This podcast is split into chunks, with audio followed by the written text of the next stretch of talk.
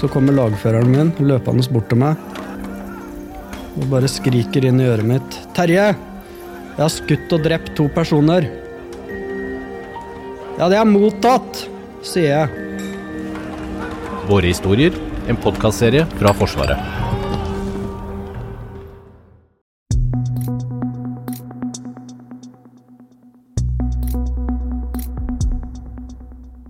Og det er et stort alvor over det som blir presentert. Det er storkrig i Europa. Vi har fått en mer uforutsigbar, farlig og utrygg verden. Det er snart ett år siden Russlands angrep, brutale angrep på Ukraina. Og krigen har forandra mye i norsk og europeisk sikkerhetssituasjon, men òg i hverdagen vår. Russland utgjør i dag den største trusselen mot norsk og europeisk sikkerhet, og konfrontasjonen mot Vesten vil bli langvarig. Det sa forsvarsminister Bjørn Arild Gram da Etterretningstjenesten i dag la frem sin rapport om de største truslene mot Norge. Og på hvilken måte truer Russland Norges sikkerhet akkurat nå? Du hører på Forsvarspodden. Jeg heter Lars Hallingstorp. I Fokus-rapporten viser Etterretningstjenesten hva som er de største truslene mot Norge akkurat nå. Vi skal høre noen av de hovedpunktene assisterende direktør Lars Nordrum la frem på dagens pressekonferanse. Forrige utgave av Fokus kom ut bare to uker før Russland på ny invaderte Ukraina. Vi ser nå tilbake på et år med storkrig i Europa. 24.2 i fjor våknet vi til et nytt sikkerhetspolitisk landskap. Invasjonen har tydeliggjort trusselen Russland utgjør mot nabostater og mot Nato. Tidsskille er det riktige ordet. Det er ingen vei tilbake. Russlands invasjon markerer et varig brudd med Vesten. Russland og Kina forblir de fremste trusselaktørene mot Norge og norske interesser. I tillegg ser både Moskva og Beijing på seg selv som representanter for et alternativt politisk tyngdepunkt, en motpol til amerikansk innflytelse og det vestlige verdifellesskapet. De er ikke som oss, og de ønsker ikke å bli som oss. Krigen i Ukraina fikk stor oppmerksomhet i fremleggelsen av rapporten. Krigen har skapt et nytt trusselbilde for Norge og Europa. Krigen preger alle sider av det russiske samfunnet. Innenrikspolitisk slås det ned på alle tegn på motstand for å sikre stabilitet og kontroll.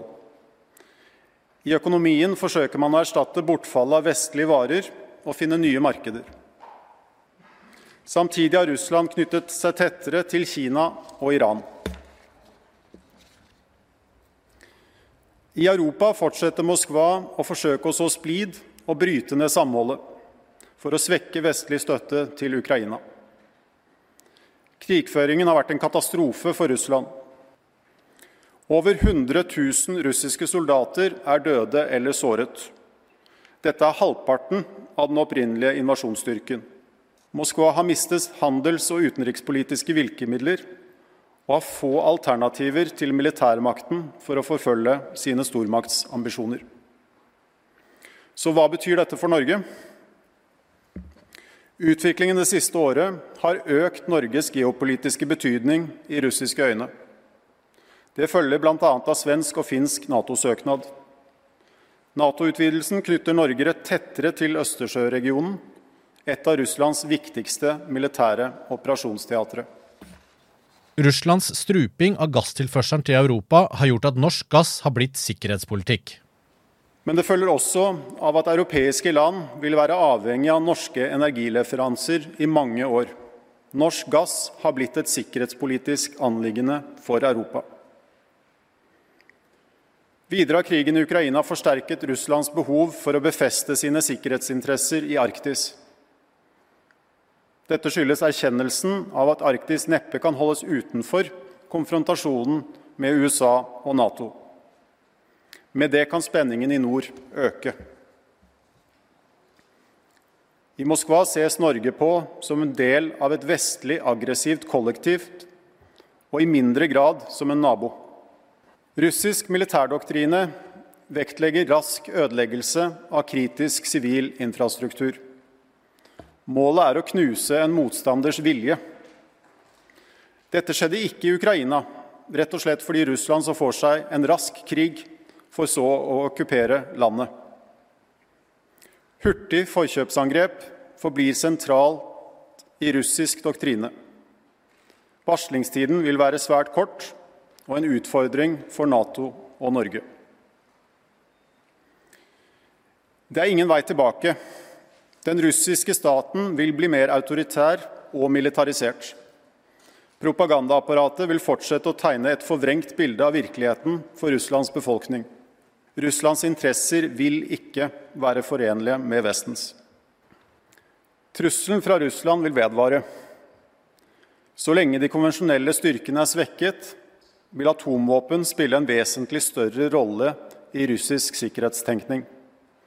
Kreml vil fortsette å skape usikkerhet om viljen til å bruke atomvåpen. Gjennom Kinas økonomiske posisjon har også handel og næringsliv blitt sikkerhetspolitikk. Nå snakker Vesten om handelskrig og stormaktsrivalisering. Kinas økonomiske og handelsmessige posisjon og tilsvarende Vestens avhengighet av Kina beskrives nå som en trussel også i Nato. Handel og næringslivspolitikk har blitt sikkerhetspolitikk. Trusselen om terror er fremdeles til stede, men ser ut til å være tonet ned sammenlignet med tidligere år. Selvsagt er det også andre faktorer som påvirker norsk sikkerhet. Det tragiske angrepet i Oslo i fjor sommer er en påminnelse om at trusselen fra ekstremister fortsatt er høyst reell. Når det gjelder terrortrusselen fra utlandet, kommer den i hovedsak fra enkeltpersoner og løse nettverk av sympatisører. Det gjelder både for ekstrem islamisme og høyreekstremisme. Det avdekkes stadig alvorlige saker helt opp til konkret angrepsplanlegging. Disse involverer ofte unge mennesker som har blitt radikalisert på nett. Innsatsen fra etterretnings- og sikkerhetstjenester har innskrenket handlingsrommet til terrororganisasjonene. Tom Røseth, velkommen tilbake til Forsvarspodden. Takk for det. Hyggelig å være her. Du er hovedlærer i etterretning ved Forsvarets høgskole. Kort oppsummert fra det som da blei presentert i dag. Hva vil du si er den største trusselen mot Norge akkurat nå? Det er uh, Russland, åpenbart. Um, og krigen i Ukraina dominerer jo denne fokusrapporten. Så den endrede situasjonen i Europa med Russland som trussel er hovedbudskapet i denne fokusrapporten. Og er det, noen, er det noe nytt? Er det noe som overrasker deg i rapporten? Det er jo eh, erkjennelsen av den situasjonen vi står i, og vurderinger av, av Russland som eh, en uh, utfordrer og en konkurrent og en potensiell trussel mot Norge. Så hva som overrasker meg, er egentlig at uh, vi har kommet dit vi har kommet, og at uh, det er noe selvfølgelig Etterretningstjenesten har tatt inn over seg, og de har uh, klar tale på, på, hva vi står overfor. Så jeg er jo egentlig ikke overrasket, fordi den situasjonen her er jo noe vi alle vet at vi står i. Men, men det er klart, det å få dette vurdert på en ordentlig måte gjennom fokusrapporten er verdifullt. Er det noe her som kanskje du Altså, Ukraina-krigen blir jo present, får jo stor plass, som det sier. Og, men er det noe i rapporten som du tenker at vil overraske, eller som vanlige folk, kan du si, ikke vet om? Det er nok uh, kanskje først og fremst at Etterretningstjenesten vurderer Russland som definitivt uh, snudd vekk fra Vesten. Altså dette er en langvarig uh, konfrontasjon vi står overfor. Og uh, den ser ikke ut til å ha noen løsning. de sier også at vi muligens får en økt sikkerhetspolitisk trussel i nordområdene. Og økt samarbeid mellom Russland og Kina. Så dette er en, en, en situasjon som har mulighet for å eskalere. Eh, spesielt med tanke på Ukraina-krigen. Og de vurderer også taktiske atomvåpen mot eh, at det blir anvendt. Eh, gitt at det blir en regional krig. Noe de da eh, ikke nødvendigvis ser for seg, men at eh, det er eh, muligheter for eskalering. Det er, det er alvorlig. Ja, fordi hva er det med, med Russland som er, på en måte er den største trusselen mot Norge? Det er uh, selvfølgelig at krigen i Ukraina kan uh, dra på seg. At den kan eskalere og involvere Nato. Det er den største trusselen. Og så er det i tillegg uh, at Russland blir mer uforutsigbar. Det vektlegger de også.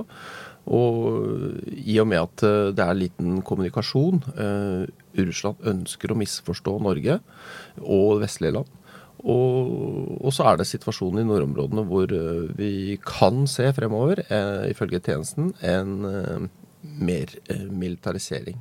Hva, jeg skjønner ikke, hva, hva, er dette med at Russland er, vil fremstå som mer uforutsigbar? Hva betyr det? Det betyr at det er vanskelig å vurdere hvordan Russland vil opptre, og hvordan de vil true oss um, gjennom f.eks. trusler, uh, avskrekking av, med atomvåpen. Det har vi sett, og det vil nok fortsette å se. Også hvilke militær aktivitet man gjør i nordområdene. Og så er det ikke minst retorikken. Uh, I tillegg til avskrekking med atomvåpen, så blir det sannsynligvis hard, hard retorikk uh, og vanskelig å samarbeide fremover. I rapporten så blir jo også Kina nevnt. Hvorfor det? Kina er jo øh, viktig øh, globalt, øh, og også i økende grad for Norge. Så denne stormaktsrivaliseringen som man tok opp spesielt i fjorårets fokusrapport, er fortsatt også sterkt til stede. Og Kina kommer frem på to måter. Det ene er at det destabiliserer Eh, gjennom relasjonen til USA og Taiwan-problemet, eh, da den globale sikkerheten, og også oss indirekte gjennom USA. Ja, fordi, ja sånn konkret, da. Ja. Hva, hva, hva, det, hva, hva, slags trussel utgjør Kina mot, mot lille Norge? Det er, eh, som jeg sa, geopolitisk gjennom økt, økt militær aktivitet og økte interesser globalt, og ikke minst gjennom USA-relasjonen. Og så er det også cyberdomenet, spesielt mot uh, Norge. De, de, fordriver økt etterretningsaktivitet og økt uh, aktivitet for å få tak i vestlig og norsk uh, teknologi. Så det er hovedtrusselen fra, fra Kina. Ja. Før så var det jo, For ikke mange år siden så var det jo også snakk om terrorisme Eh, internasjonal terrorisme. Hva, hva sier rapporten om det? Den eh, toner ned litt trusselen fra terrorisme, selv om den fortsatt eh, består. Og så viser jo da eh, senere hendelser i Oslo at dette fortsatt er aktuelt. At du kan få, aksjoner fra, fra, ekstremister, enten på høyre- eller venstresiden. Så, så den nevner absolutt terrorisme, men, men, i forhold til den statlige trusselen som øker gjennom Russland spesielt, og Kina dernest, så er det så kommer terror litt ned på lista. Totalpakka i denne fokusrapporten, med, selvfølgelig med Russland, det er Kina, det er terrorisme. Hvordan, hvordan skal vi forholde oss til det?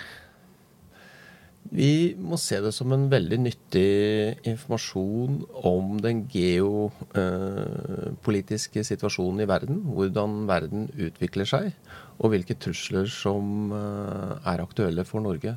Så det er et nyttig og lettleselig eh, rapport om, om Eh, hva som er aktuelt for oss og for Norge. Og så får leseren vurdere om dette samstemmer med, med sine vurderinger. Men selv så ser jeg dette som en veldig god oppsummering av hvordan verden ser ut i dag. Dette er jo den åpne rapporten. Um, hva vet vi om hva som ikke står der? Det er nok eh, veldig grundige vurderinger eh, i den graderte og mer detaljerte opplysninger om f.eks. russiske kapasiteter. Om mer detaljerte og kanskje mer vågale vurderinger om fremtiden. Og informasjon som kanskje også hentyder mer mot eh, metode og kilder og sånn. Så, så der er nok eh, det er mer nøye informasjon, men oppsummert så gir dette et godt bilde av hva den graderte omhandler. Med den kunnskapen du sitter på, blir du bekymra når du leser Fokus-rapporten? Jeg blir jo mer bevisst av de utfordringene Europa og Norge står overfor. Det er to hovedbekymringer. Det er eh, Ukraina-krigen og hvordan den vil ende. Det svarer ikke tjenesten ut, men det ser utrolig mange utfordringer som eh, vi står overfor fremover. Og så er det Kina og Taiwan-spørsmålet som kan vokse også i horisonten. Og, der, eh, og de forventer en forverring av USA-Kina-relasjonen framover. Så man blir, er jo litt bekymret i dag, men absolutt ikke, ikke redd utviklingen. Bortsett fra Kina, det, kan du si noe om på en måte, en, en, Er det vært noen rød tråd i de senere åras uh, fokusrapport? Ja, det har vært uh, en rød tråd på å vurdere Russlands utvikling og Russlands vending vekk fra Europa. Og, og, også Kinas vekst og kommende utfordring. Og så er det i tillegg vært tett oppfølging av terrorismetrusselen, som nå tones litt ned. Så generelt så vil jeg si at statlige aktører og stormaktsrivalisering er vokst i viktighet, mens terror da har gått litt ned. Du har hørt på Forsvarspodden. Hvis du abonnerer på oss, får du en ny episode hver fredag. De som lager Forsvarspodden, er Jørgen Lyngvær, Fredrik Tandberg, Hege Svanes, Thomas Haraldsen og meg, Lars Hallingstorp.